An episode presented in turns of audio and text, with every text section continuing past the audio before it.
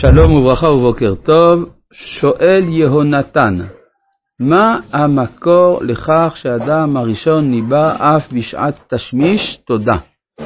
תשובה, אינני זוכר.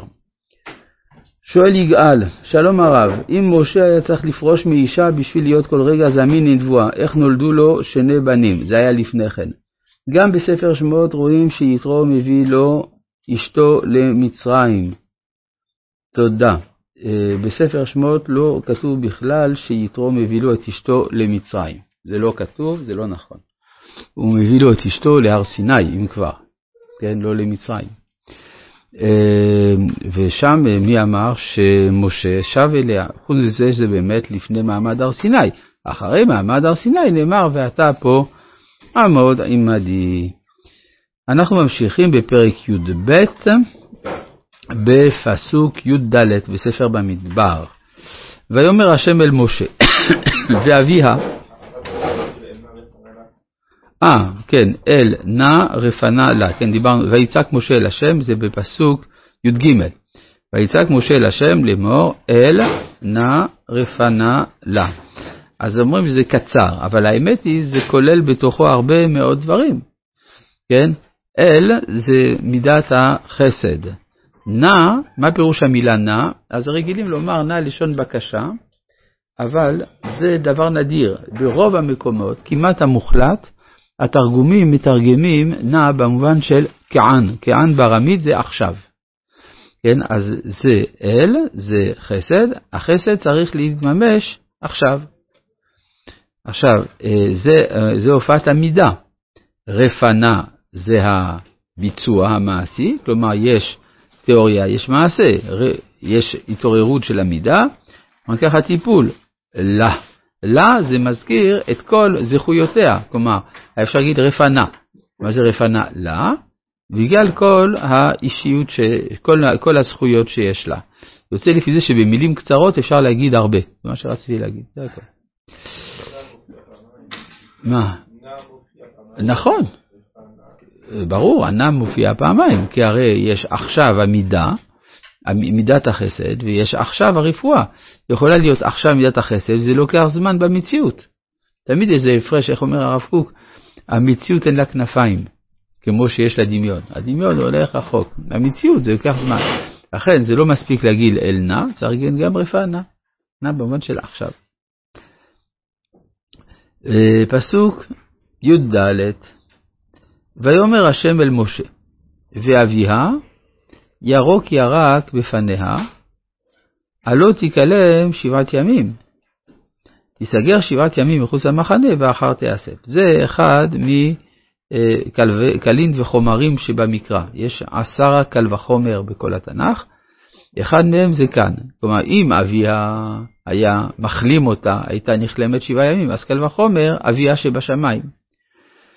ומזה למדנו הלכה בדיני קל וחומר מידת דיו. הרי אם אתה אומר, ואביה ירוק, ירק לפניה תגלם שבעת ימים, אז הקדוש ברוך הוא זה הרבה יותר מאביה, אז היה צריך להיות יותר משבעה ימים. היה צריך להיות, אומר, אומר חז"ל, קל וחומר לשכינה, ארבע עשר יום. לכאורה לא לגמרי מובן, מה זה קל וחומר לשכינה ארבע עשר יום? צריך להיות קל וחומר לשכינה אין סוף יום. כן? אלא שזה מצד שהשכינה היא שותפה עם אביה ואימה בבריאת האדם. כן, הקדוש ברוך הוא שותף עם אביו ואימו. אז אם, אה, אז יוצא לפי זה שאביו ואימו זה, זה, זה כל אחד זה שבעה ימים, אז שכינה שהיא שותפה גם עם האבא, גם עם האימא, יוצא 14 יום, זה הכוונה. אז היה צריך להיות 14 יום, וכאן רואים שרק שבעת ימים. למה? יש לנו כלל, דיו לבא מן הדין, להיות כנידון. כלומר, הדבר שאתה לומד מן הדין, דין זה קל וחומר.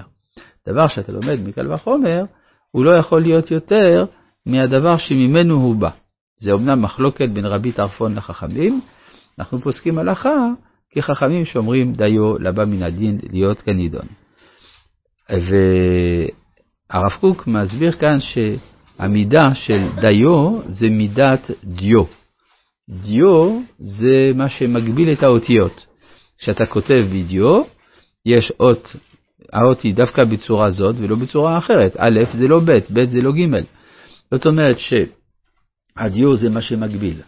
מה לא מגביל? הלבן. אז השאלה מה אתה קורא, האם אתה קורא את השחור, ואז זה מוגבל, או אתה קורא את הלבן, ואז זה, ואז זה בלתי מוגבל.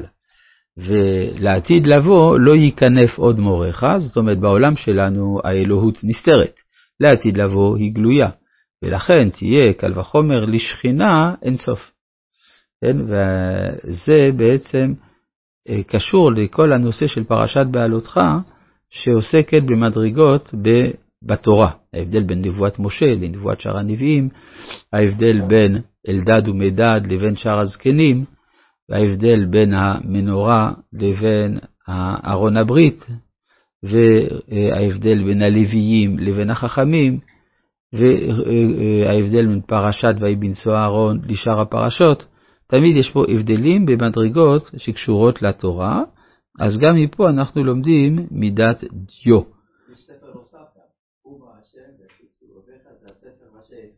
כן, אז זה ספר בפני עצמו.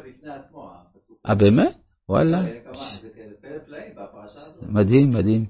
טוב, ותיסגר מרים, נדמה לי שדיברנו על זה. כן. כן, נדמה לי, כן, טוב. ותיסגר מרים מחוץ למחנה שבעת ימים. והעם לא נסע עד היאסף מרים. מה זאת אומרת והעם לא נסע? הכוונה שגם הענן לא זז. כי הרי זה לא קשור להחלטה שלהם, זה קשור להחלטה של הענן. אז גם הענן נתן כבוד למרים. מה? אז מה?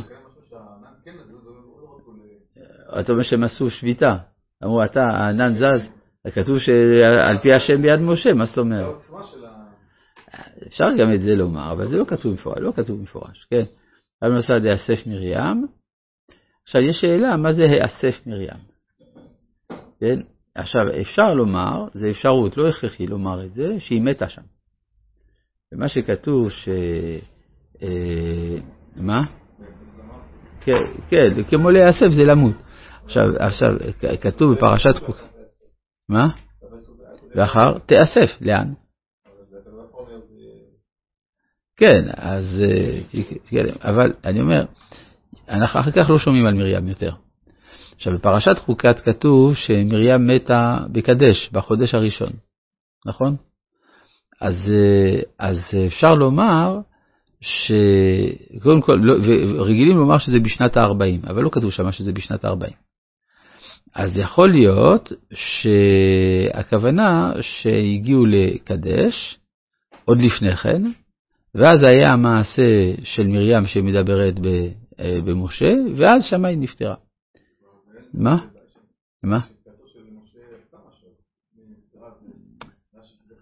אז הוא שלקח לה שבעה ימים, עוד כדי לחיות. לחיות עוד שבעה ימים, יכול להיות.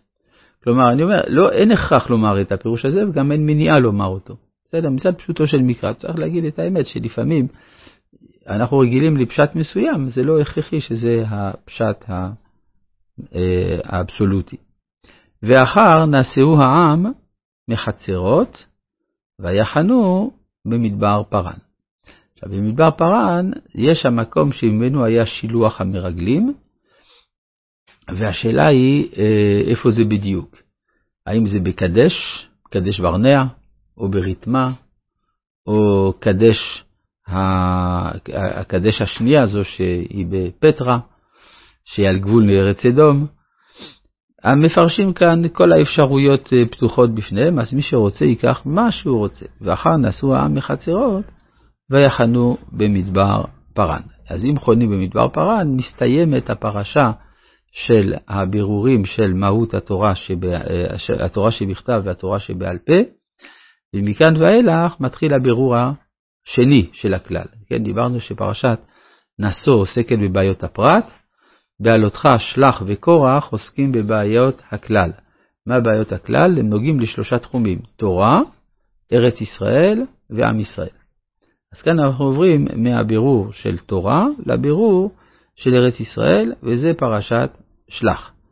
פרשת שלח מתחילה במשפט מפורסם, וידבר השם אל משה לאמור. וזה מופיע בתורה כמה פעמים? 70 פעם בדיוק. כן, 70 פעם בדיוק, בספרים שמות ויקרא במדבר, לא בבראשית ולא בדברים. רבי חנניה